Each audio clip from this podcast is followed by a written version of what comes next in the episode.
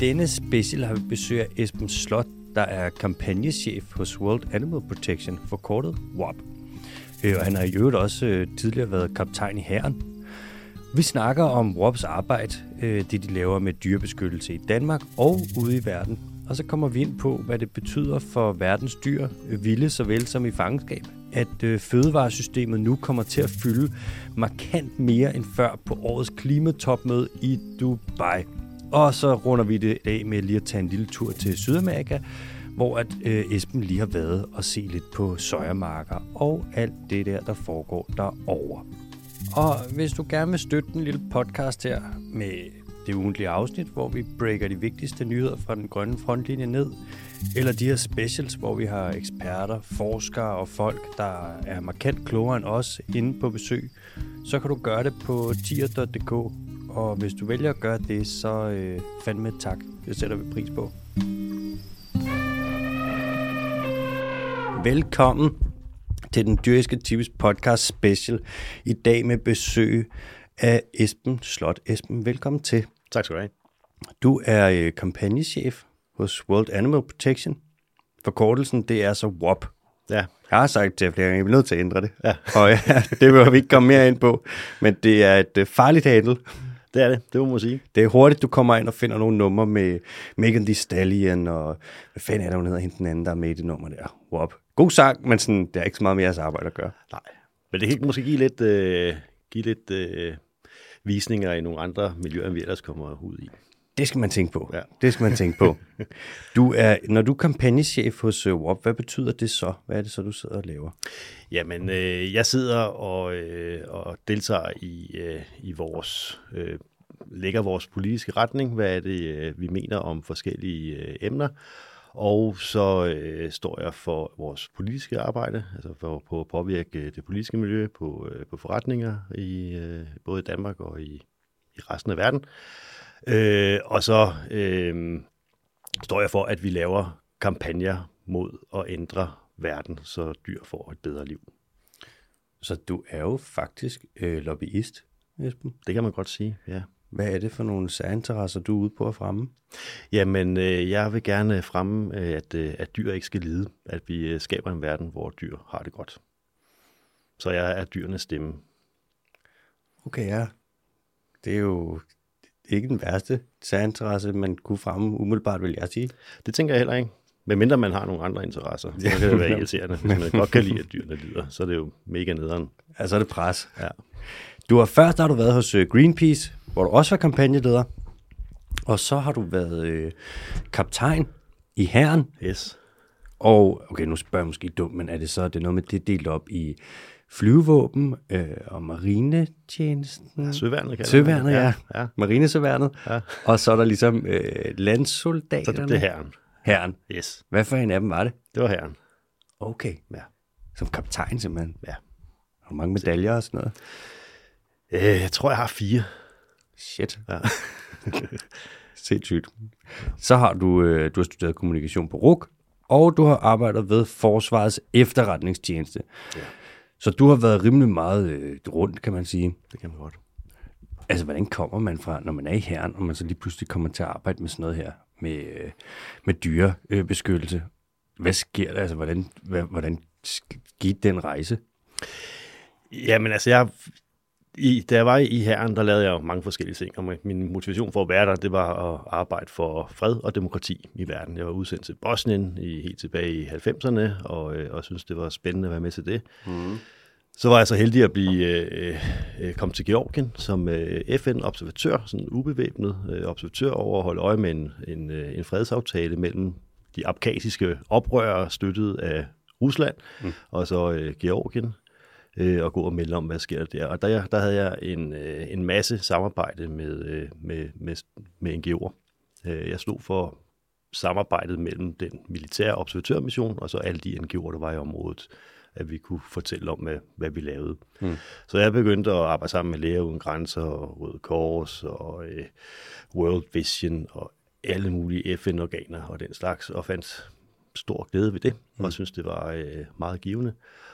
Og så synes jeg stille og roligt, at, øh, at vores udenrigspolitiske linje, den, den gik i en retning, jeg ikke rigtig synes var den, jeg jeg kunne med krig i Afghanistan, krig i Irak, især den i Irak, mm. øh, som ulovlig angrebskrig, der fik jeg sværere og sværere ved at se mig som en del af det system, mm. og prøvede så at, at, at søge, søge andre græsgange, og endte så med at lave skiftet direkte fra Forsvars efterretningstjeneste til Greenpeace. det er et sjovt hop. hmm. Hvis vi lige hopper til der, hvor du er nu, World Animal Protection. I har lige ændret navn i øvrigt også. Hedder det ikke WSPA før? Jo, det, går, ja, det, er, det, er, det, det er nogle år siden. Men det var jo, ja. World Society for the Protection of Animals, Præcis, ikke? ja. Så er World Animal Protection, det er lidt mere mundret. Ja, ikke? Jo. Det, det er sådan lidt, lidt, lidt knudret, ja. det gamle her. I er jo en dyrebeskyttelsesorganisation. Ja. Hvad er det, det betyder? Det betyder, at vi arbejder for, at, øh, at dyr ikke skal lide, kan man sige. Altså, vi, øh, vi arbejder for at beskytte dyr, og det gør vi på, øh, på alle mulige forskellige måder. Mm. Og det drejer sig både om dyrene ude i naturen, de vilde dyr, og det drejer sig om øh, de dyr, vi holder fanget i, øh, i fødevaresystemet. Okay, ja. Og I har sådan lidt mere, I kigger også lidt ud over øh, Danmarks grænser, ikke sandt? Jo, jo, jo. Vi er en global organisation. Øh, vi har vi startede i, i England i sin tid, for øh, omkring 70 år siden. Mm. Øh, og så er den så stille og roligt vokset sig større og større, og vi har nu kontorer på alle kontinenter på nær Antarktis. øh, så vi er, i, øh, vi er i 14 lande øh, og, og arbejder med, med, med, med globale interesser. Vi, øh, vi, vi taler med FN, vi har kontor i Bruxelles, hvor vi taler med, med, med, med dem, der er værd at tale med der, øh, og vi har kontor i Afrika og i Asien osv. osv. Så jeg tænker lidt nu, når man tegner det her billede op med sådan noget dyrevelfærdsorganisationer og dyrebeskyttelsesorganisationer og sådan, så har I jo selvfølgelig nogle overlap med for eksempel sådan noget som øh, øh, dyrenes beskyttelse. Ja. Men I har også nogle områder, hvor I arbejder, hvor de ikke arbejder. Ja. Altså for eksempel, hvis vi kigger på sådan noget som øh, mink. Ja. Der har I jo begge to været derinde og ligesom arbejde ja. fra hver jeres side, kan man sige. Ikke? Jo. I har jo også det der med, at I hos WOP der arbejder I for, at man ikke skal have så mange produkter fra eksotiske dyr i modindustrien. Ja. For eksempel sådan noget som øh, krokodilleskin eller fjer fra vilde øh, fugle. Ja. Jeg skulle lige til at sige fjer fra vilde dyr, men ja. der er jo nok ikke så mange andre dyr end fuglene, hvor man finder fjerne. Nej, det tror jeg egentlig ikke. Nej. Så I er sådan lidt i spredes ud. I har også lavet noget med, husker jeg forkert nu, men lavede I ikke en kampagne engang, eller et projekt, hvor I kastrerede hunden i Asien, i Thailand, vildhunden? Jo, øh, vi har arbejdet, øh, tidligere arbejdet ret meget med hunden i Asien, både at sørge for at, øh, altså, sørge for at mindske, øh, at, at, at, at de, de er der som gadehunde, men også at øh, øh, vaccinere dem øh, mod øh, rabies og, og sørge for, at, øh, at de, de får det bedre. Så det har vi haft mange programmer med tidligere. Det er et ekstremt svært område at arbejde med med hunden. Ja. Det er ligesom heste og katte. Folk ja. har så mange følelser, at ja. du kan næsten kun brænde nallerne. ja, det, det, det kan man sige. Det, det er sjovt nok, fordi vi arbejder faktisk ikke med hunden mere. Mm. Øh, vi, vi har fokuseret på at arbejde med, øh, med, med vilde dyr og med dyr i landbruget. Mm. Og det vil så sige øh, alle andre, altså kæledyr øh, og øh, ja, kæledyr, dem arbejder vi ikke med. I arbejder også med øh, dansebjørn, ikke sandt? Jo. I Rumænien? Ja, altså vi arbejder med bjørne rigtig meget. Det har været en del af, af den måde, vi er blevet, blevet store på, kan man sige. Så det har været det, der var vores DNA rigtig mange år i, mm. øh, i lang tid, eller i hvert fald en del af det. Og det er ikke bare, det er ikke bare bjørne øh, og dansebjørne. Det er øh, helt overordnet, så arbejder vi med at stoppe kommersiel udnyttelse af vilde dyr. Øh, og der, der er dyr i underholdningsindustrien en af vores ben. Øh, og det er jo cirkusdyr, det er dansebjørne, øh, men vi arbejder også på at stoppe øh, kommersiel udnyttelse i form af medicin. Der bliver brugt øh, rigtig meget øh, bjørnegalle mm, i, ja. øh, i traditionel asiatisk medicin. Mm. Øh, og det bliver jo udvundet ved, at man øh, holder bjørne fanget i små buer, og så tapper man simpelthen bare øh, galle fra deres galleblære. Mens de er levende? Mens de er levende. Så det er bare lige ind med en, øh, et eller andet aggregat, og så bare suge det ud? Ja. Okay. Det er det. Og der har vi jo arbejdet meget på, på, på flere fronter, prøve at gøre det ulovligt og stoppe, at det sker, mm. og så også have et, en form for rehabiliteringsprogram for de her pensionerede bjørne. Mm. Og det er så mest cirkusbjørnene, man kan sige. Der har vi nogle, øh, nogle, øh, nogle reservater, øh, og især i det Rumænien, som vi støtter meget her fra vores danske kontor, hvor vi øh, får bjørne, der tidligere har levet som cirkusdyr og levet i underholdsindustrien, at de kommer ud og få en, en pension, kan man sige, i et, i et reservat, hvor de har det godt. I kommer til meget af jeres arbejde, så skal I jo arbejde med mennesker frem for dyr. Så. Altså det, I prøver, det er jo at komme ind og ændre nogle ting, der er meget enten øh, kulturelle, eller hvor at der er nogle kommersielle interesser. Ja. Og hvis I kommer ind og siger, altså hvis man sagde det i Danmark, sådan, prøv, I må ikke bruge galle for gallebjørn som medicin, så folk sige, fint mand, det gør vi sgu heller ikke. Nej. Men hvis du kommer ind og siger det andre steder i verden, øh, så vil de sige, hvorfor tager I medicinen fra os? Og det gør de. Og det er jo et problem, altså det er jo svært for jer så at arbejde med det. Ja, og det, der, der, er jo kommet, der er jo kommet alternativer, der kan det samme. Altså, gallen fra bjørne har faktisk en medicinsk effekt, så det er, ikke, det er ikke helt tosset, at man har brugt det før i tiden. Men nu er der produceret alternativer, der kan det samme. Øh, og det prøver vi jo så også at få, få markedsført og, og hjælpe øh, slutbrugeren med at, at få adgang til mm. som, som alternativ til, til det fra bjørnen. Jeg vil, jeg vil have svært ved at arbejde med sådan noget med, specielt hvis det var sådan noget med hunden og sådan noget som det der, der vil jeg være, specielt det med hundene. Jeg har set så meget ude i verden, hvordan sådan hunde, altså de ødelægger så meget. Det er ligesom katte. Og der er mange steder, hvor at man vil sige, jamen skal vi ikke bare aflive dem?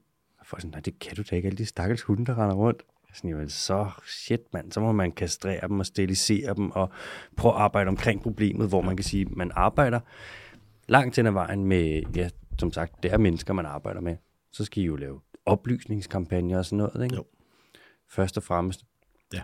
Så I ikke bare kommer ind som en eller anden organisation og siger, for at høre, alt det, jeg laver her, det kan I godt glemme, mand. Ja. Det plejer ikke at være så populært. Nej, det gør det ikke. Så ja, oplysningskampagnen, det gør vi jo også meget ud af. Og der er et sjovt eksempel, fordi det her med at, at stoppe den kommercielle udnyttelse af dyr, øh, der er underholdningsindustrien jo også et af de områder, hvor vi, hvor vi kigger meget. Jeg nævnte før cirkusdyr, mm. men der er også, hvad der foregår på tv, øh, hvor, det bliver nu, hvor, hvor det har været med til at normalisere, hvad vi kan gøre med, med dyr. Hvad tænker du på her? Jeg tænker på, at vi for eksempel havde et program som, øh, som Fangerne på Fortet, mm. øh, som var et stort program, da, da jeg var ung øh, i sin tid. Mm. Øh, hvor der var, det var mest kendt for, at der var tiger, der, øh, der, der blev holdt fanget på, de blev holdt fanget på, øh, på Fort Boyard nede i, øh, i Atlanterhavet et sted, øh, hvor man optog det her show. Øh, man tog tigerne og sejlede dem fra en dyrepark i Frankrig ud på det her fort og holdt dem, holdt dem så der i tre måneder, hvor det bare var i sådan, der bare sten, mens de kørte optagelser. Øh, og det var ligesom det, programmet var mest kendt for, at der var, at der var tiger til stede, men der var også alle mulige opgaver med, at man skulle, så skulle man løfte en æderkop og kigge ned under, om der, altså, uh, der er en stor klam æderkop, og så er, det, så er det sjovt at se øh, deltagerne blive bange for det. altså se Pia Kærsgaard blive bange for at løfte en æderkop, ikke? Og, øh, og hun, altså, hun var en af deltagerne, så, ja. og, og det, var, det var helt normalt dengang, at, at dyr blev brugt som rekvisitter, som vi egentlig bare kunne lege med og blive bange for at få en, en skræmt oplevelse. Mm. Der var øvelser, hvor de skulle kravle gennem øh, meget, meget tætte rum, der var fyldt med krybdyr og sådan noget. Så det, var, det har været sådan meget mange dyr, der er blevet misbrugt i det program, kan man sige. Ikke? Mm. Og, og egentlig så, så kunne programmet sagtens køre uden, at de dyr var i. Det kørte vi en kampagne mod for et par år siden, der kunne programmet genoptaget. Øh, og egentlig så, så startede vi med at rette henvendelse til til det nordiske produktionsselskab, der står for produktionen i Norden, mm. og endte så med, at nu er Fort Boyard, som laver optagelser til 60 lande i verden, mm. de har holdt op med at bruge dyr i deres produktion. Sådan. Og så er vi jo så med til, at stille og roligt, så bliver der mindre og mindre af den slags, som folk bliver eksponeret for i tv. At, at det er okay at bruge dyr til at have det sjovt med, ikke? Det er vildt, at det er så nyligt egentlig. Ja. Og det foregår stadig. Jeg kan være med at tænke på, når du forklarer det der. Det lyder som sådan en scene for Gladiator. Ja. Altså, det lyder som sådan noget romeride. Ja. Og sådan, jamen, vi er jo kommet så meget videre siden da. Sådan, gud vi da røv, men Nej. det, det gør vi sgu da stadig. Det gør vi stadigvæk, ja. Men der er vel også noget som øh, i turismeindustrien. Ja, der er, der er rigtig meget. Mm. Øh, for eksempel dansebjørn, det er jo nogen, man tager ud og kigger på. Ikke? Ja. Det er vi holdt op med, det tror jeg godt, de fleste danskere ved, man ikke skal. Ja. Så er der øh, elefantridning. Mm det var udbredt øh, for 10-15 år siden, at der var det helt almindeligt, at hvis man var en tur i Thailand, så skulle man godt nok også ud og prøve at ride på elefanter. Mm. Det er de fleste også ved at have fået en forståelse for, at det skal man ikke gøre mere. En elefant, der bliver brugt til elefantridning derude, den har været udsat for helt ufattelige lidelser for at blive så tam, mm. at den, øh, at den øh, vil have, at folk de rider på den. Øh, den bliver udsat for langvarig mishandling, indtil den, den knækker sammen. Altså simpelthen den får den, the crunch, kalder vi det, hvor øh, den bliver bare simpelthen bare udsat for, for vold og smerte, indtil den bryder sammen, og, og så gør, hvad der bliver sagt til den. Så man, man tæmmer den på den måde. Øh, og det har de jo, det elefanter, man rider på, hvis man er i Thailand eller Laos eller andre steder, og, og tager til den slags, det har de elefanter været udsat for. Mm. Øh, alle sammen. Så derfor så prøver vi jo at få, vi har fået næsten alle rejseselskaber i Danmark til at stoppe med at udbyde, øh, at man kan købe elefantridning af dem. Øh, og vi kører oplysningskampagner øh, til, til befolkningen om, at det skal man lade være med. Øh, og så laver vi programmer derover, hvor det foregår, hvor vi så prøver at købe elefanterne fri og stoppe de, de udbydere af elefantridning. Mm. Og det kan man ikke bare lige gøre. Man kan ikke bare lige sige, når vi, vi, vi sørger for at købe elefanten fri, og så, øh, så slipper den jo for sine lidelser, men så fanger de bare en ny elefant og tager ind i. Så vi skal sørge for, at der er en ny levevej for de øh, udbydere af, af, af elefantridning også. Mm. Og det tilbyder vi dem så også. Altså hvis vi sørger for, at, at de familier, der, det, det er som regel en familie, der har en elefant, og det lever de så af, mm. øh, at de så får noget andet, de kan lave i stedet for. Og så har vi også, som vi har med bjørnene, så har vi nogle, øh, nogle reservater rundt omkring, øh, hvor de her elefanter, de kan få lov til at få en, en god pensionisttilværelse. det er sjovt, de har sådan nogle pensionater. Hvad med sådan noget som, øh, det har jeg set tit ofte, der er mange, der har sådan nogle billeder, hvor de ligger med for eksempel tiger eller løver eller den slags, også typisk, hvis de har været på ferie derovre. Ja. Er det er noget gennem med det? Ja. ja, man skal ikke tage selfie'er med dyr. Øh, hvis, hvis, og slet ikke med vilddyr. Man kan godt gøre det med sin hund, og man kan godt gøre det med sin kat. Det er mm. domesticeret dyr, som godt kan lide at være sammen med mennesker. Ja. Men hvis man oplever et vildt dyr, for eksempel en løve, som man kan få lov til at tage en selfie med, det kan man jo rundt omkring. Mm så er den dopet, altså sådan på stoffer. og det, det er, det, ellers så ville den jo nok ikke synes, det var så fedt, at vi rendte rundt og adede den og stillede os op ved siden af den. Nej. Øh, så det er, der er tale om, øh, om dopede dyr, og som regel er de jo små, mm. øh, så man bruger øh, ungerne til det, og når de så bliver store, så bliver det lidt sværere at, at holde styr på, så bliver de enten slået ihjel, eller så kan de blive brugt til noget trofæjagt, altså man kan få lov til at skyde lidt på dem. Ikke? Mm. Så har de ligesom gjort deres til at, at man kunne tage nogle selfies og tjene penge på det, og så så kan vi også tjene nogle penge på at skyde dem. Det er vildt nok. Det er ligesom det, man har nu i Sydafrika med deres øh, løvefarm der. Hvad er det, de har stadig 6 8.000 løver i Sydafrika. Så killingerne, der kan folk komme ind og kæle med. Altså løvekillinger, de er skide søde. Ja. Øh, og så når de bliver lidt større, så kan man gå tur med dem. Ja. Og så er der frivillige, der kan betale for at, at komme med. Det er frivilligt arbejde betaler man jo ofte for at lave. Ja. Så kan de komme ned og gå ture med dem, og turister kan komme ind og prøve at gå tur med en løve. Præcis. Og så når de bliver helt store, så laver du det der dåsejagt, Præcis, ikke? Ja. hvor ja. du stiller dem ud, og så er den tam løve, den er altså ikke særlig svær at ramme. Nej. Og så kan du få lov til at plukke, koster et sted mellem, koster omkring 150.000 kroner, ikke? Jo. Og så knoglerne, dem sender du til Asien. Præcis. Så, så er de pludselig blevet til tigerknogler. Ja. Det er jo smart. Ja. Og de kan alt muligt. de kan alt muligt. Ja, de, kan, de, gode. ja, de kan kurere hvad som helst, Esben. Det er helt ja. sindssygt. Og skinnet, der kan du lave en, så kan du lave en udstoppet løve, og ja. der er penge hele vejen igennem. Ikke? Det er nemlig. Men dyrene taber. Ja. Okay, så det er WOPs arbejde. Og så ja. lige en opfordring til, hvis man tager ud og skal på ferie, så skal man nok lige tænke sig om to gange, før man begynder på sådan noget med elefantridning, eller tage billeder med en abe, eller med en Præcis. løve, en tiger, og hvis man vil til et delfinshow eller et eller andet, så skal man lige lade være med det. Ja, de har det heller ikke godt, de delfiner. Og det, det, de er der stadigvæk, de delfinshows, der er par stykker tilbage i Europa, øh, og øh, det bliver færre og færre, øh, men det er der. Vi har jo faktisk også en lille en i, øh, i, i Danmark, i Kærteminde, øh, hvor de har et par marsvin, de holder fanget, hvor de også udbyder underholdning, øh, og det synes jeg også, man skal lade være med at kigge på. Så altså, vilde dyr, de skal for så vidt muligt være ude i naturen. Ja. Man kan sige, at nogle ting er sådan, for eksempel nogle zoologiske haver, de de laver med, så er de reserver af dyr, som man kan lave avlsarbejde for at sætte dem ud, og de laver en masse forskning og så videre, og der kan man sige, på den måde kan man godt, vil jeg sige, retfærdiggøre det. Men i mange tilfælde, når man bare tjener penge på, at der er nogle dyr, der skal gøre et eller andet, der er sådan, den er altså lidt, det er ikke forsvarligt. Nej, det er, det er det ikke. Det er, det er, det er helt vanvittigt. Og nu siger zoologiske haver, ja, de, de, de tjener jo et, et, et, et formål i mange tilfælde. Jeg tror, at på et eller andet tidspunkt, der kommer vi til at, at, at tænke, at det kan godt være, at de stadigvæk eksisterer i den rolle til at, og, og sørge for noget artsbevarelse og den slags. Øh, men, men det, at vi tager ind i zoologisk have og kigger på dyr, der er i buer. Altså jeg synes, det er en bizarre oplevelse at gå rundt i, i zoologisk have og, og se dyrene udstillet på den mm. måde, som de er.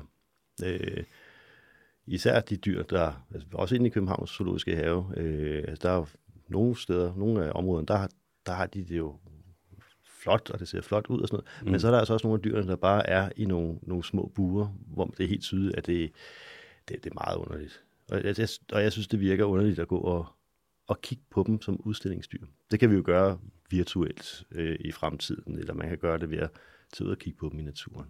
Klart. Men jeg tror, jeg tror, det kommer til at være noget, vi om en del år, vi synes, det var noget, man gjorde i gamle dage. Jeg tror også, det, jeg tror, du har ret, at man bevæger sig mere i den øh, retning. Også som du selv siger, det, der er virtuelle muligheder. Ja. Når der har været det med, at sådan, jo mere man ser naturen og kommer tæt på den, jo mere er man tilbøjelig til ligesom at vil passe på den. Men du har ret i, sådan, hvis man kan kigge på den og have flere virtuelle oplevelser. Hvad vi er, VR-briller og sådan noget, det stikker jo helt af alt det der. Ikke? Ja. Når din dag stopper med at have hovedfokus på, at nu skal være god porno, og det så bliver gode naturoplevelser, ja.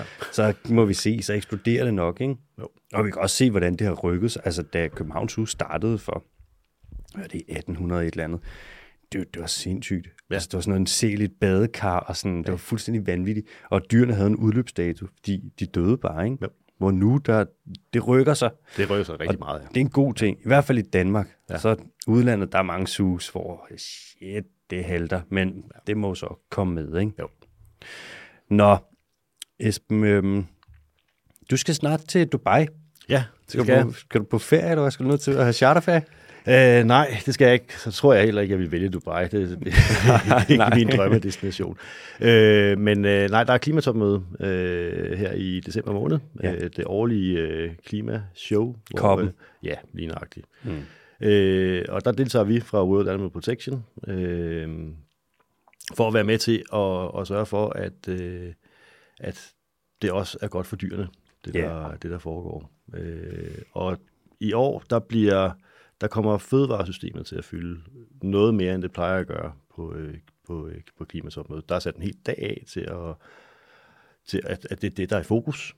Øh, formandskabet, de forenede arabiske emirater, arbejder på en deklaration omkring øh, fødevaresystemet, som vi regner med en del lande vil skrive under på. Der skal sætte nogle nye mål for, hvordan man får inddraget fødevaresystemet i sine klimareduktioner.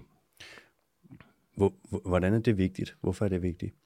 Jamen, det er vigtigt af, af to grunde, vil jeg sige. Altså, den, mm. den ene grund, det er, at, øh, at dyr er dem, der bliver hårdest ramt af klimaforandringer.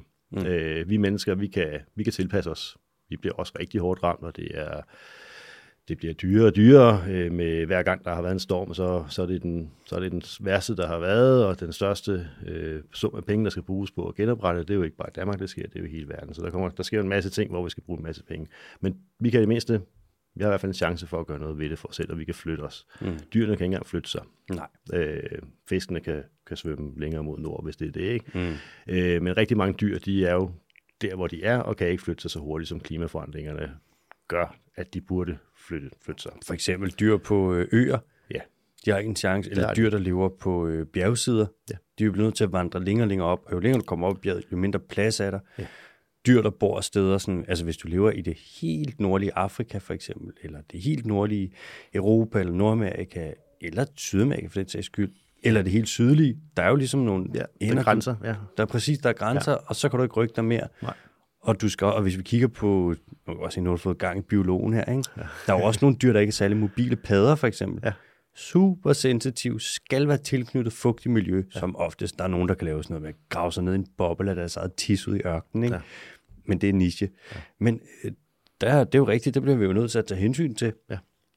Og det er jo, en af, det er jo den vigtigste grund til, at vi synes, det er vigtigt for os at engagere os i, øh, i, i klimaforhandlingerne. Mm-hmm. Øh, og en ting, det er, at arterne, de risikerer at, at forsvinde, fordi de ikke kan nå at flytte sig, men det er jo også, der, der er også rigtig mange individuelle dyr, der lider af klimaforandringer, når katastroferne rammer. Altså det er, nu har vi hørt i år om, øh, om pingviner i, på Antarktis, mm.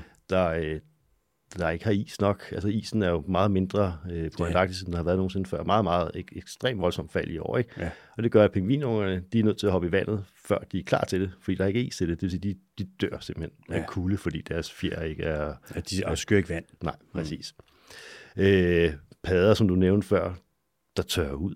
Mm-hmm. Øh, altså dør en, en grusom død, fordi øh, de, miljøet, klimaet ændrer sig der, hvor de er, og så, så, så tørrer de bare ud. Og det er jo, det er jo ikke bare padder, men det er reptiler også, ikke? Øh, der, der kan lide sådan død. Mm. Isbjørnene har vi hørt om mange gange, som det ikoniske dyr på klimaforandringerne i Arktis, øh, som også får sværere og sværere ved at, at, at, at fange, fange øh, fisk og sæler og hvad de ellers lever af, og, og dør sult. Så, så, det er jo, så, så, så, der, så der er rigtig mange dyr, der lider af det. Og så er der jo så det, at en af hovedårsagerne til, at vi overhovedet har klimaforandringer, det er vores fødevaresystem og den måde, vi har valgt, at vi vil producere omkring 80 milliarder dyr om året, som vi propper ind i, øh, i dyrefabrikker og øh, fodrer dem med en masse øh, ude fra naturen, som tager næsten halvdelen af jordens øh, areal til at producere foder til, til de her dyr, ikke? som kunne være brugt på noget andet. Det er en voldsom, øh, et voldsomt bidrag til øh, klimaforandringerne, der foregår der. Hvis vi stopper al øh, udledning af fossile brændsler i morgen, så vil vi stadigvæk ikke kunne overholde halvanden gradersmålet, øh, i for, som er det, vi har lovet os selv og hinanden i Paris-aftalen, på grund af udledninger fra, øh, fra fødevaresystemet. Og vi vil formentlig heller ikke kunne overholde 2 gradersmålet, udelukkende på grund af de udledninger, der kommer fra vores fødevaresystem.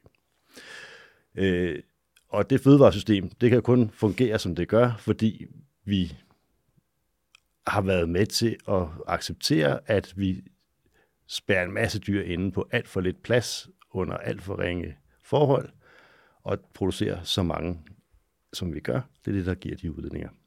Så på den måde, der hænger det sammen, at, øh, at det, at vi skaber lidelse for dyr, er jo inde i vores fødevaresystem, det er også med til at skabe lidelse for dyr ude i naturen.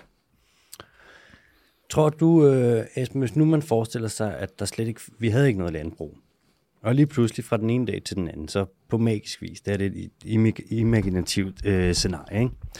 så øh, vil der være de her 8 milliarder mennesker, der er på jorden, og vi kunne sige, okay, vi kan ikke overleve fiskeri, der er simpelthen ikke nok fisk, vi er nødt til at lave noget landbrug til land.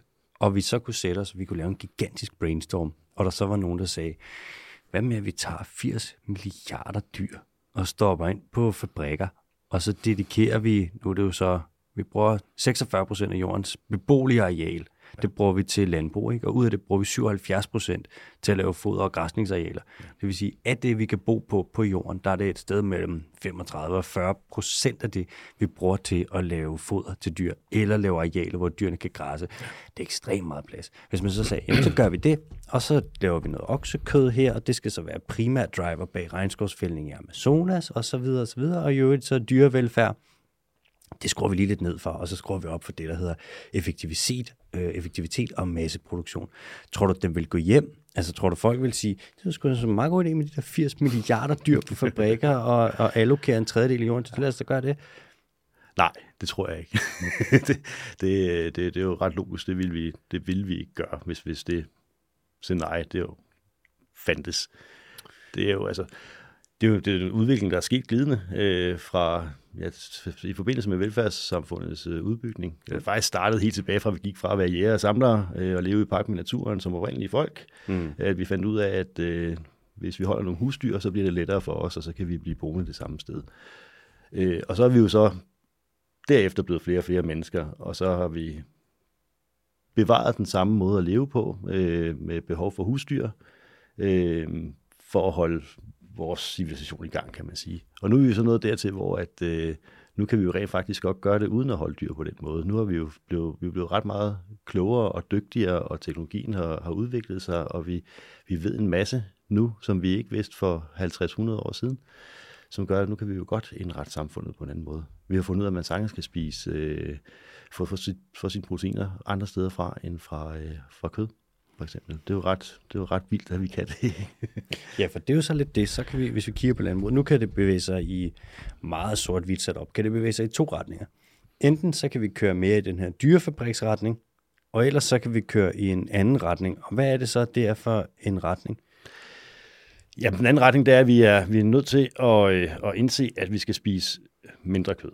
Øh, som, og det er ikke det enkelte individ, jeg taler til. Øh, jo, det enkelte individ har også et ansvar, men øh, det, er jo, det er okay, der er nogen, der spiser kød, og der er nogle andre, der ikke gør. Men som befolkning, som samlet befolkning, der er vi nødt til at spise mindre kød. Øh, og det kommer vi så til at gøre ved, at der er nogen, der vælger at spise mindre. Øh, og alle kommer nok til at vælge at spise mindre i fremtiden på et eller andet tidspunkt. Øh, det er ligesom forudsætningen for, at vi kan komme, komme videre. Og hvad var det så egentlig, du spurgte om? hvad fanden, hvad skal vi så lave i stedet for? Ja, hvad vi skal lave i stedet for? Jamen, så skal vi jo lave noget, øh, vi skal, det kød, vi så endelig spiser, det skal jo så helst være fra dyr, der er blevet behandlet bedre. Jeg kan ikke sige, at, og så der kan gå på jagt og skyde vilddyr ud i naturen, så, man sige, så har dyret i hvert fald levet det bedste liv, det kunne. Yeah. Øh, det, det, det, det er så okay. Og så vil, så vil vi nok aldrig, i hvert fald ikke inden for en overskuelig fremtid, få, få stoppet, at folk de spiser kød, de har købt i supermarkedet. Ja, det kan vi ikke. Det er, også, det er jo hele vores kultur, der bygger omkring det, så det, det, er jo, det, er jo, det er jo fair nok, at folk de spiser det kød. Der skal vi bare sørge for, at de dyr de har haft langt bedre forhold, end de har i dag. Øh, så vi skal stoppe med at producere kød på de fabrikker, vi gør i dag, og gå over til i hvert fald en økologisk produktion, hvor øh, dyr de går ud, øh, de har adgang til, øh, til, til naturen, og får set øh, himlen en gang imellem. Øh, grisene har mulighed for at, at bygge en rede, øh, som de jo gør ude i naturen. Ja, det gør de, de nemlig, ja. det. Ja. Øh, I stedet for at ligge øh, fastspændt inde på et øh, betongulv i en, øh, en, et metalgitter, mm. øh, når de skal, når de skal, øh, når de skal have, have, have unger. Mm det er egentlig bare det, bevæge det hen i en mere øh, human retning, vil jeg kalde det. Og så skal vi blive øh, bedre til at producere plantealternativer og spise flere af dem. Og sige, der er jo aldrig nogen, der er kommet og sagt sådan, I må aldrig nogensinde spise kød mere. Jeg har aldrig, altså jeg har ikke hørt, selvfølgelig har jeg hørt nogen sige det, men der er også nogle folk, der bare er sådan rager, og så bliver det sådan noget, vi skal stoppe alt kød og alt fiskeri, og alt skal stoppe. Altså, det kommer ikke til at ske. Nej. Og hvis man kommer med sådan en udmelding, så er sådan, det bliver ikke konstruktivt, og du, der er ikke nogen, der kommer til at høre efter. Men altså, man kan, vi kan godt sætte nogle krav til det kød, der bliver lavet. Vi kan godt sige sådan, vi bliver nødt til at lave kød inden for nogle øh, bæredygtige grænser. Fordi at ellers så skyder vi os selv i foden. Ikke? Det er jo, jo. ligesom os, der skal bo på den her planet. Ja. Så vil vi da gerne bo på en god planet. Og hvis vi gerne, så vil vi, vil vi hellere bo på en planet, der er altså hvor der er fuld blæs på klimakrise og biodiversitetskrise, men du kan få alle de koteletter, du vil. Præcis. Eller vil vi hellere spise lidt mindre kød, og så bo på en planet, der er langt mere lækker? Jeg kan heller ikke lade være med sådan nogle gange at tænke på, hvorfor er vi er så lidt kredsende. For hvis jeg kigger på sådan, sådan en kotelet, der er lavet på en fabrik, ikke? altså jeg hørte forleden, at de unger, der overlever, de pattegrise, der overlever, det er faktisk de uheldige af dem. For de andre der, hold kæ- ja. altså der dør jo de der, hvad er det nu, omkring 27.000 ja. pattegrise om dagen, ikke? Ja. Det vil sige, er det sådan en 15-17 stykker i minuttet, ikke? Det vil sige, hver tredje sekund, der dør der en pattegris. Ja. Og dem, der vokser op, de bliver behandlet forfærdeligt. Altså. Ja. De kommer jo op og tager, når de vokser mest, så tager de et kilo på om dagen. Ja. Fordi vi stopfoder dem, ikke? Ja. Og det er jo, altså, antibiotika i hoved og røv, og når de så skal vokse op, altså et svin på 100 kilo får 0,6 kvadratmeter. Hvad er det her lokale? Det har været 20 kvadratmeter eller sådan noget. Ah, måske lidt mere 24, 24 kvadratmeter. Det passer meget godt. Så en svinestald, så måtte du gerne putte 30 svin på 100 kilo herind. Ja. De kan ikke engang rykke sig. Hvis du sætter flere ind, så står de og overopheder. Og når du så fodrer dem, så fodrer du dem med, det kommer vi ind på om lidt, soja, som du har fældet regnskov for at dyrke. Hvor, jeg sådan, hvor du også stødt regnskovsfældning, eller hvad? Og palmekage fra Indonesien, hvor jeg sådan, og regnskovsfældning der også, eller hvad? Ja. Og vi giver dem endda svinefedt. Altså, vi fodrer dem med dem selv. Ja, det ligger det, ikke? Ej, jeg er sådan, come on, mand. Og så alt det, og så når de skal slagtes tit, så bliver de sendt ud på transporter, der har været 22 eller 30 timer, og så ender man med et stykke kød, og jeg er sådan, hvorfor vil du spise det? Ja. Du kan vælge at spise alt i hele verden, mand. Måske kan du ikke vælge at spise kaviar, fordi det er fucking dyrt. Men sådan, alt du kan spise, så vælger du at spise det. Ja. Hvorfor ikke være mere kredsen? Jeg forstår det ikke. Nej, det gør jeg egentlig heller ikke. Det er, øh, men jeg tror ikke, altså, jeg, jeg måske forstår jeg det godt. Jeg, jeg tror simpelthen ikke, at folk de er klar over det. Nej. Jeg tror ikke, de er klar over, hvor, hvor, hvor ringe forholdene er. Vi, de, vi, vi, vi, vi prøver jo at køre noget kampagne, og det gør de andre dyrebeskyttelsesorganisationer jo også på, øh, at, at, at gøre opmærksom på, at dyrevelfærden ikke er i orden mm. øh, under de her. Men der findes jo andre, der har langt flere penge, end, end vi har, der prøver at køre kampagner om, at de har det rigtig godt. Øh, og, øh, og det er det, de fleste de hører mest. Mm. Det er, at når, når det er fra Danmark, så er det godt. Vi har jo noget af verdens bedste dyrevelfærd. Det hører man jo igen og igen og igen. Det har vi ikke, vel? Nej, det har vi ikke. Vi har samme dyrevelfærd som i, øh, i, i det meste af Europa. Øh, så er der lige Sverige, der har væsentligt bedre, og Holland, der har bedre, Ja. øh, altså, og England, der har bedre. Øh, så, så vi ligger på, på niveauet for, for EU. Vi er middelmodige. Ja, Det er, er vi. det er sgu usekset. Ja. Ikke? Jo. Man kan også sige, at hvis vi behandler dyrene dårligere, så dør de. Ja. Så i Kina, når man siger, at de behandler dem dårligere, sådan, det, jeg tror ikke, det passer. Så vil deres produktion være lav, fordi de her dyrene vil dø, ikke?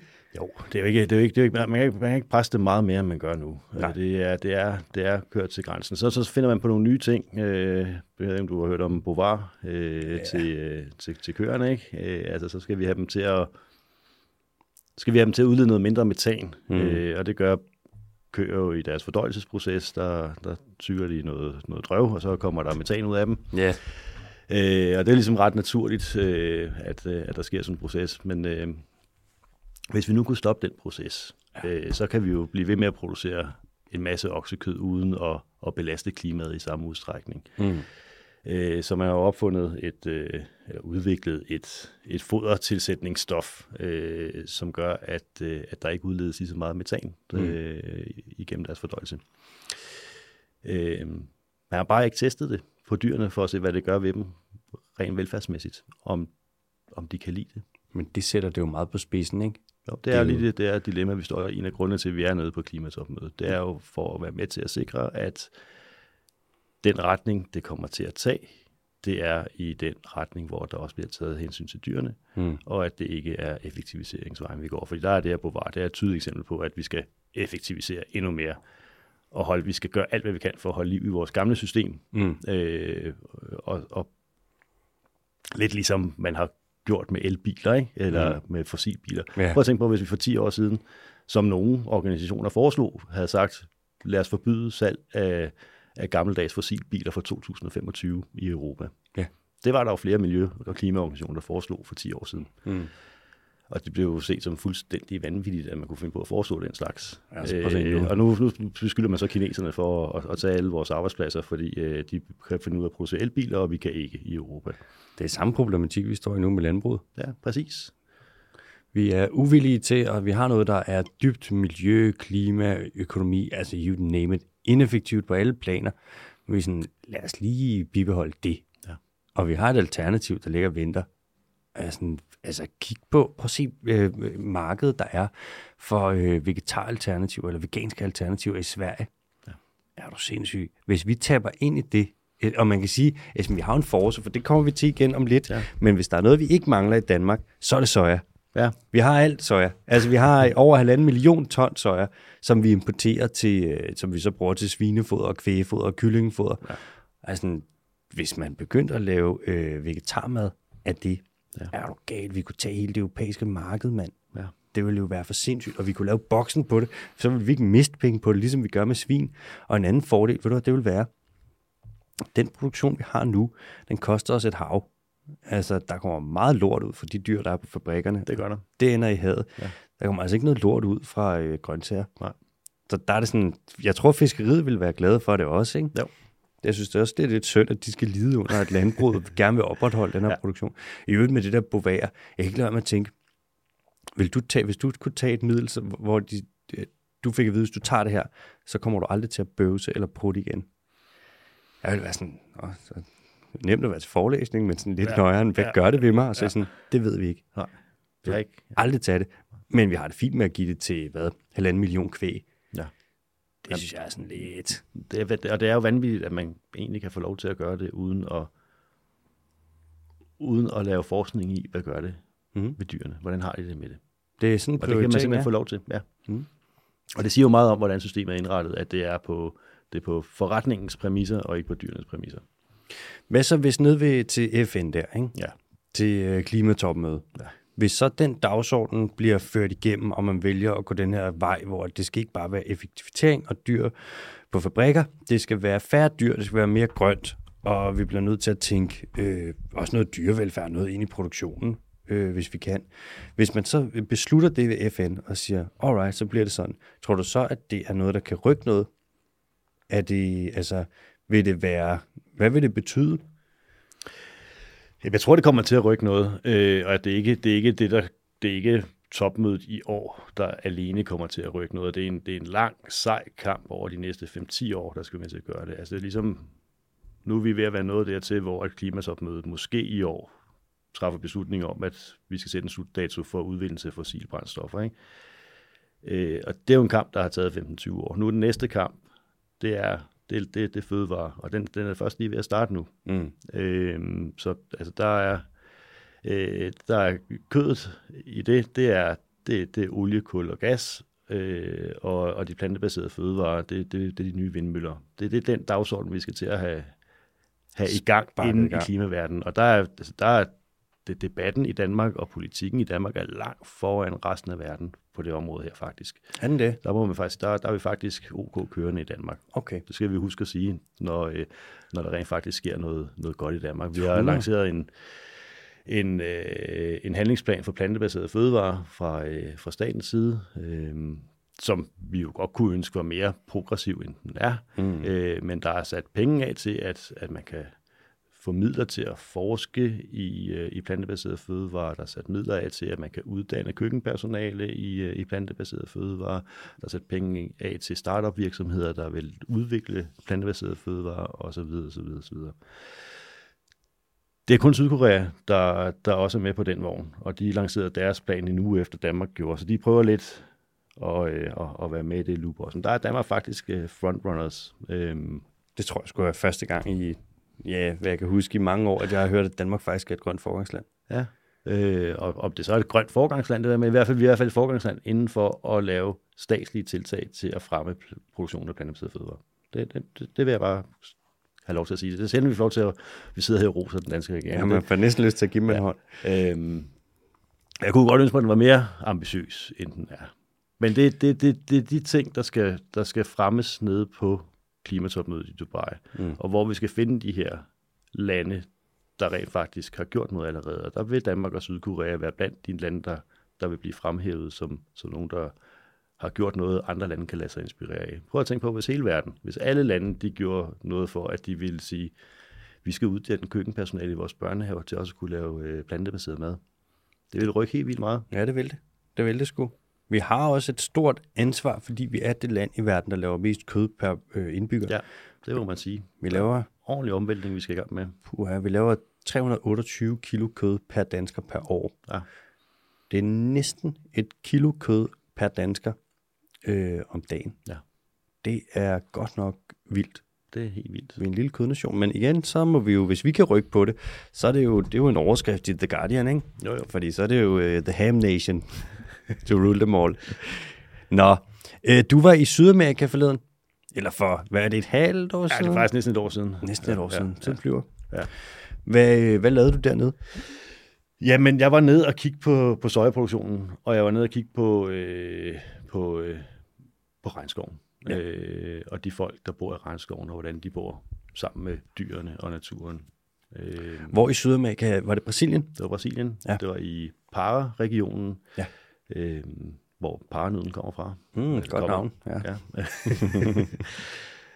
øh, og der er der faktisk en meget sjov historie med, øh, fordi jeg så en masse, jeg var ude og kigge på tidligere regnskov. Mm. Øh, og nu kommer jeg selv fra, øh, fra Midtjylland, så, så man kan godt sige, at, at landskabet ude i regnskoven er jo fantastisk. Det er jo en helt, helt sindssyg natur, man har. Men der, hvor den så er ryddet, mm. Der er det lige så dødssygt landskab, som der, hvor jeg kommer fra på Midtjylland. Ja. Altså marker, marker, marker, så, flat, sådan slagelse, næstved Ja, lige nøjagtigt. Ja, ja. Øhm, og det kan jo også have sin charme. Øh, jeg var glad for at vokse op der, og det var fint, men det er bare ærgerligt, at man tager et område, som har været så fuld af biodiversitet, så fuld af liv, øh, mangfoldighed, mm. og gør det til endnu en ørken, som ja. vi kender det fra, fra hele den vestlige verden. Ikke? Øh, og så indimellem på de her store, kæmpe marker, så stod der nogle enkeltstående træer. Og det var så paretræer, fra parenød. Øhm, og det er fordi, det træ, det er fredet dernede. er det øh, rigtigt? Ja. Øh, så øh, de har ikke helt styr på, hvem ejer jorden, og hvem kan gøre hvad, så de rydder bare. Men hvis de rydder et paretræ, så falder hammeren, fordi det, det er fredet. Så dem lader de stå, mm. og så dør de så efter nogle år, fordi de har behov for al den biodiversitet, der er omkring sig til at kunne, kunne leve. Men de står som enkeltstående træer rundt omkring på, øh, på markerne. De er ret store, ikke? Jo, de er mega store. Jeg tror faktisk, det er det højeste træ, der overhovedet er i øh, Amazonas. Det ved jeg ikke, men det ved du nok øh, som biolog. Jeg, jeg tror, ja. de kan blive sådan 50-60 meter høje. De er kæmpe. Ja, de er kæmpe store. Hmm. Ja. Så der er simpelthen en masse marker midt ude i regnskoven. Ellers, der er, så, der er jo så ikke regn, man føler ikke, man er i regnskoven. Altså, det, det, det, det, så det, men der, hvor der engang var regnskov, ja. der, er der, øh, der er der marker. Og grusveje. Lange, lige grusveje. Øh, ingen, ingen fugle, der kvider. Ingen, ingenting. Det er bare dødt. Ja, det er bare dødt. Det er ret store områder, vi taler om. Det er kæmpe områder. Det er jo, det er jo flere fodboldbaner om dagen, der bliver ryddet. Ja. Nu går det jo faktisk bedre. Det, det, det skal også, det, det, det, det, det er, det, der bliver ryddet mindre, end der gjorde sidste år. Mm-hmm. Brasilien har fået en ny præsident, ja. så, der bliver, så der bliver gjort lidt ved det. Mm-hmm. Øh, men der foregår stadigvæk meget, øh, meget rydning. Mm-hmm. Øh, og det, det, det er jo ulovligt, det der foregår. Og jeg var så inde og besøge en, øh, en stamme af oprindelige folk øh, inde i øh, ja, inde, inde i junglen, lad os kalde det det. Mm. Øh, inde ved Chief Dada, som han hed. Godt navn. Det er et perfekt navn. Mm. Øh, og han var en chef, øh, det må man sige. Han var en chef. øh, lang sejltur ind af, ind af floden, og så, så, så blev vi taget imod, øh, imod ham derinde. Og hans øh, stamme havde holdt en samling, hvor de mødtes med andre stammer. Mm. Øh, det her var de stadigvæk i gang med, mens jeg var der. Hvor de, øh, de, har, de, har, de er gået sammen som stammer for at kæmpe mod dem, der ødelægger regnskoven. Ja. Og det har de jo ikke gjort før i tiden. Før i tiden, så har de ligget lidt og, og, og bekriget hinanden, de her stammer. Men nu, nu går de sammen mm.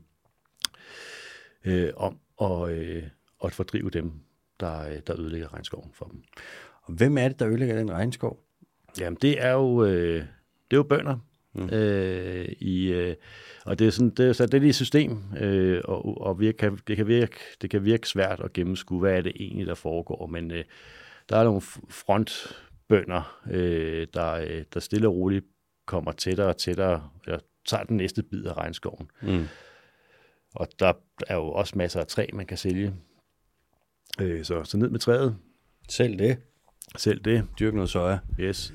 Og øh, så futter man øh, så futter man resten af. Mm. Og så til at starte med, så bliver det primært brugt til, øh, til at man kan sætte øh, kvæg ud, øh, så de kan gå og hygge sig der. Og de, det er jo, det, så, så, så har man jo kvæg gående der, men der var tidligere regnskov, kan man sige. Ja. Og så nogle, øh, nogle år øh, efter det, så, øh, så laver man det om til, til sojamarker. Øh, ja, soja og majs, øh, de, de kan dyrke på det hele året, så det er sådan en cyklus, der kører. Mm.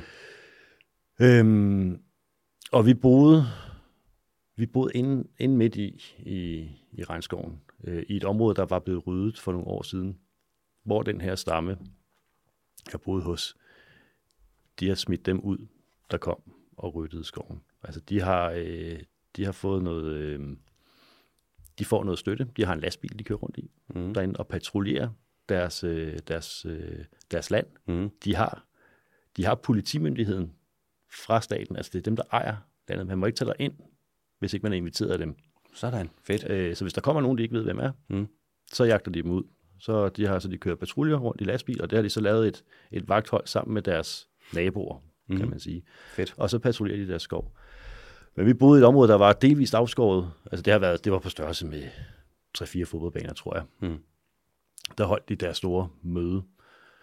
Øh, og så, så den lille plet inde midt i, i regnskoven, der var ryddet, og så var der altså bare regnskov hele vejen rundt om. Øh, og et meget sjovt symbol, synes jeg på, at her der har faktisk været nogle at, at rydde det her område. Mm-hmm.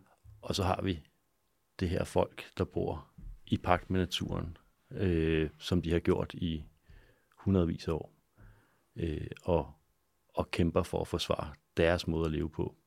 Og de gør det i pagt med naturen, de gør det i pagt med dyrene. Man kan også sige, at de har rimelig meget træning i, hvordan man gør. Der har jo været folk i Amazonas for eksempel i tusindvis af år. Det er altså først for nylig, at Amazonas for 11 år er begyndt at blive fældet. Ja. Det er det samme med ja, naturområder i faktisk stort set hele verden. Ja. Vi er sådan, det er ikke et spørgsmål om, at mennesker ikke kan finde ud af at leve med naturen. Det er et spørgsmål om, at vi er nogle mennesker, der ikke kan finde ud af det. Ja.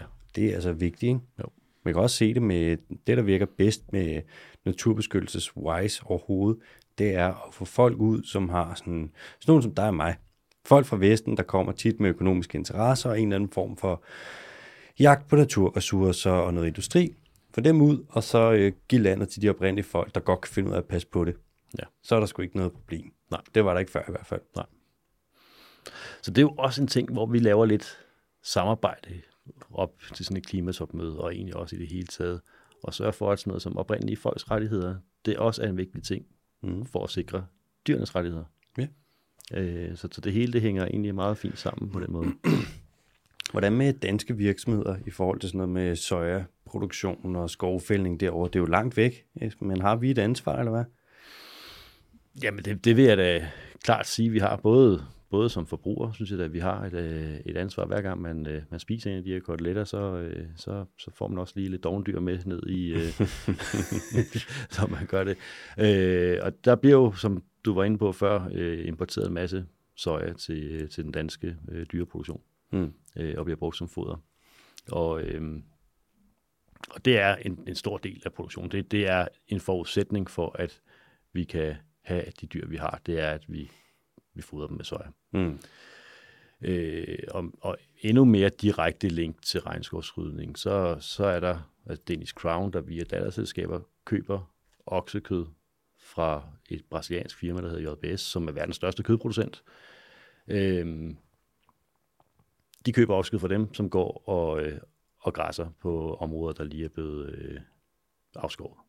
Øh, så, så, så, så Danish Crown, de handler med, øh, med JBS, som, er, som vi kan dokumentere, stadigvæk er dybt engageret i ulovlig regnskovsrydning.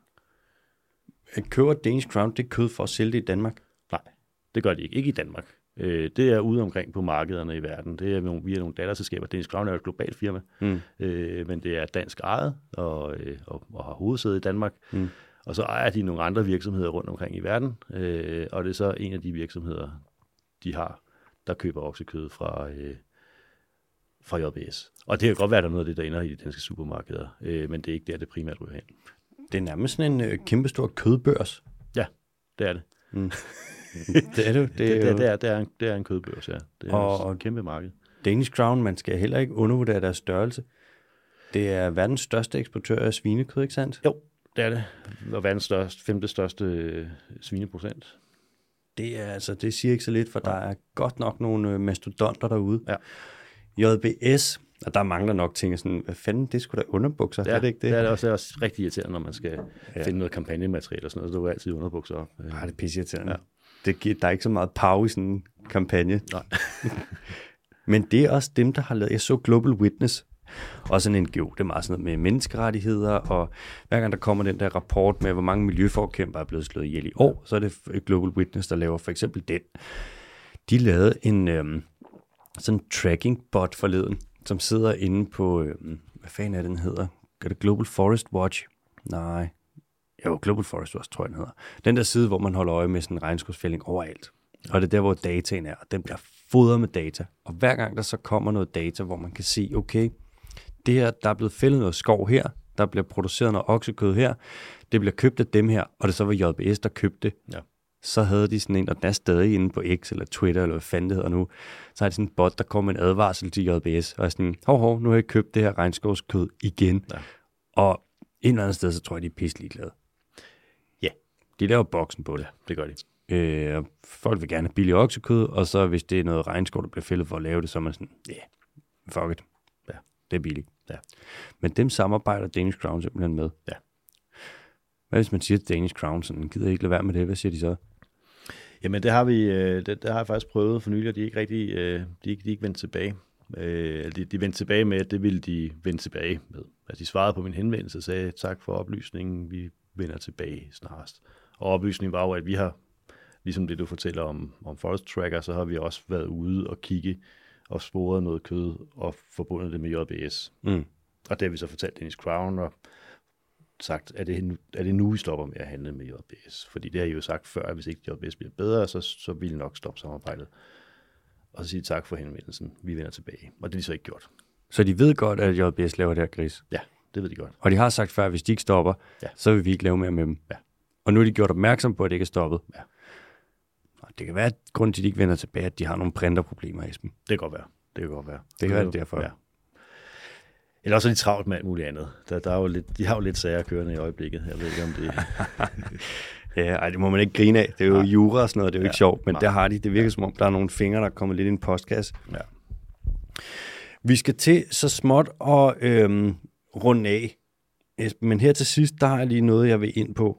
For først og fremmest kunne jeg ikke lade være med at byde mærke det med, at du snakker om jeres arbejde ude i verden, altså WOPS, hvor det lyder som om, I faktisk har en, der er en del succeshistorier, Ja. og at I faktisk får rykket på nogle ting. Om det så er, at det der fangerne på Forden, øen, stopper med at øh, bruge dyr i deres produktion. En succeshistorie, eller det, I har rykket på med det, I laver nu med elefanterne for eksempel, hvor det virker som om, altså I har nok elefanter nu, kan man sige, til at det giver mening at lave et pensionat, det samme med dansebjørnene osv. osv.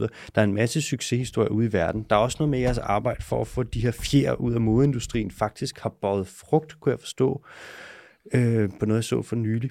Og ikke lade mig at tænke, den her succes, som I ser, som I har ude i verden, hvordan går det egentlig med den i Danmark så? Jamen, jeg synes egentlig øh, også, det går meget godt i Danmark på nogle områder. Øh, vi har været i vi har været i tæt dialog med Copenhagen Fashion Week for eksempel. Mm. Vi har, har gået målrettet efter modeuger rundt omkring i verden for at få dem til at stoppe med i første omgang at bruge øh, pels. Mm. Og det stoppede øh, Copenhagen Fashion Week jo med i år. Øh, at de vil ikke have brands, der bruger pels i deres produktioner, må ikke optræde på Copenhagen Fashion Week. Stærkt.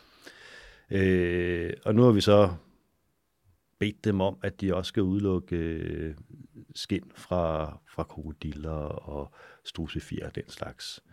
Øh, og det kunne man godt forestille sig, at, at det også kommer til at ske. Øh, det, det håber vi i hvert fald, at, at de er med på. Øh, Hvad er det, der er galt med det krokodilskin der? Ja, men det, øh, altså, der, der, det, det er helt vildt, øh, hvordan den produktion foregår. Altså, det er, vi snakkede før om, hvordan, hvor, hvor tæt grisene er sammen. Mm. Det samme foregår på krokodillefarm.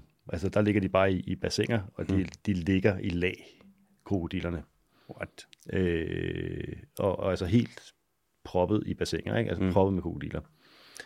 Øh, og det, det, så de har det simpelthen bare De er Ja. most. de, de er most, ja. Og de, Ja. ja. de, de lever ikke noget krokodilliv. Og Jeg, synes, og det, det, og jeg har det sådan på en eller anden måde, jeg synes, det er sådan, det er sådan stort, flot rovdyr. Ikke? Altså, og flot er det måske ikke. Det er jo øh, Mm. det er i hvert fald et vildt og stolt dyr på en eller anden måde. Ikke? Ja, det må man Og, sige, mand. sådan, og meget ydmygende for sådan et dyr at, at proppe det ned på den måde. Mm. Øhm, og så flår man jo bare skinnet af dem, og, øh, og så bliver det brugt til, til tasker og til punge og til bælter og sko og den slags. Man skal nok også, når vi nu snakker sådan noget med klimaaftryk og fødevarer og så videre, hvis du skal lave det saltvandskrokodiller det her, ikke? Jo. En saltvandskrokodil, det er det største krybdyr, der overhovedet findes. Øh, en saltvandskrokodil kommer op på over et ton. Det er et gigantisk dyr. Ja. Øhm, og krybdyr vokser fra naturens side ikke specielt hurtigt. Altså, de har en særlig sådan... Det tager mange år, før en saltvandskrokodil den er blevet stor. Med mindre selvfølgelig, at du stopfodrer den. Ja. Og en saltvandskrokodil spiser altså ikke gulerødder og kartofler. Der skal noget kød igennem Det det. der, ja. Og man kommer ikke udenom, kød det belaster klimaet. Så hvis du skal lave et dyr, der kun spiser kød, og du skal mose kød igennem sådan en, for så at lave noget skind, altså, det er umiddelbart, jeg kan ikke, nærmest ikke forestille mig noget mere klimaskadeligt, du kan lave, hvis du skal lave en eller anden form for øh, tekstil. Det giver bare meget, meget, meget lidt mening. Ja. Igen, apropos det der før, med sådan, hvis det ikke fandtes, og der er nogen, der foreslog, man gjorde det, der ville ja. folk være sådan, jamen er du fuldstændig fra den? Hvad forestiller du dig? Ja. Kan du ikke lave en taske eller noget andet? Hvorfor hedder du her? Eller sådan, det, ja.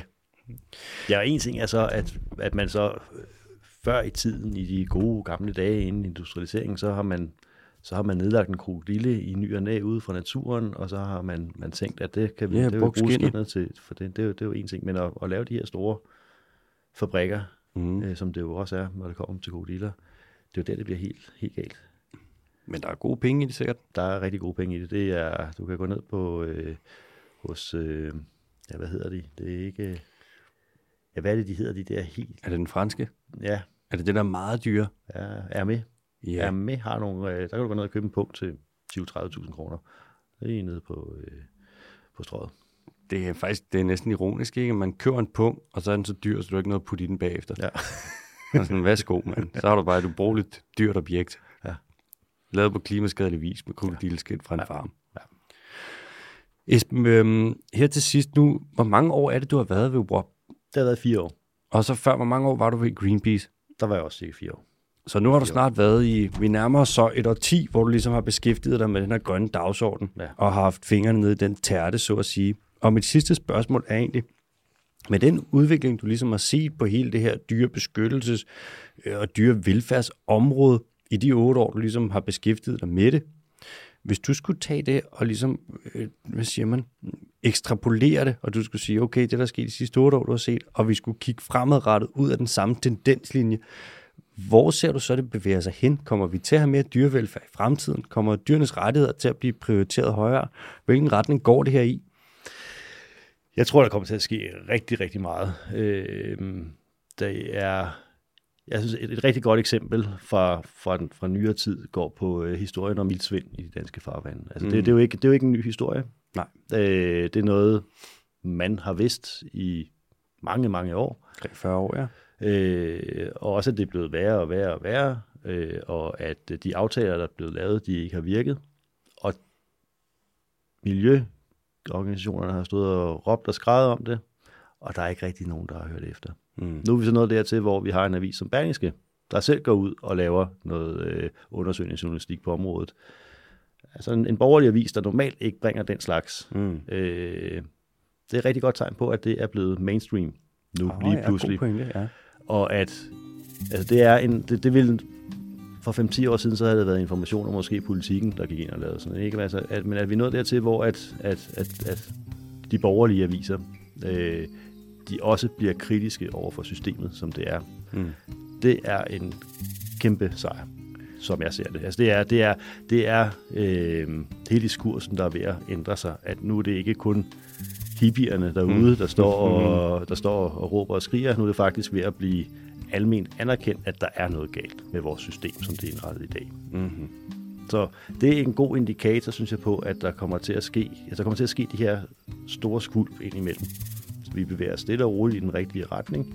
Øhm, og så kommer der nogle store skuld indimellem. Og det her, at Berlingske bragt, det synes jeg var et, et ret stort skuld. Øh, I hvert fald en indikation på, at diskursene vil ændre sig. Vi må håbe. Prøv at tænke næste gang, fordi ildsvind, det kommer ikke til at stoppe. Ikke i den her omgang. Nej.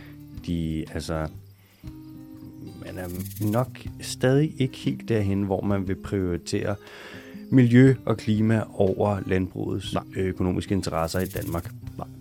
Men ved næste gang, der bliver det måske Jyllandsposten. Og så skal Så- du se. så det. Ja, så går der fandme ild i hele lortet, du. Ja. Fedt. Esben, vi når ikke mere, men du skal have tusind tak, fordi du vil være med. Selv tak.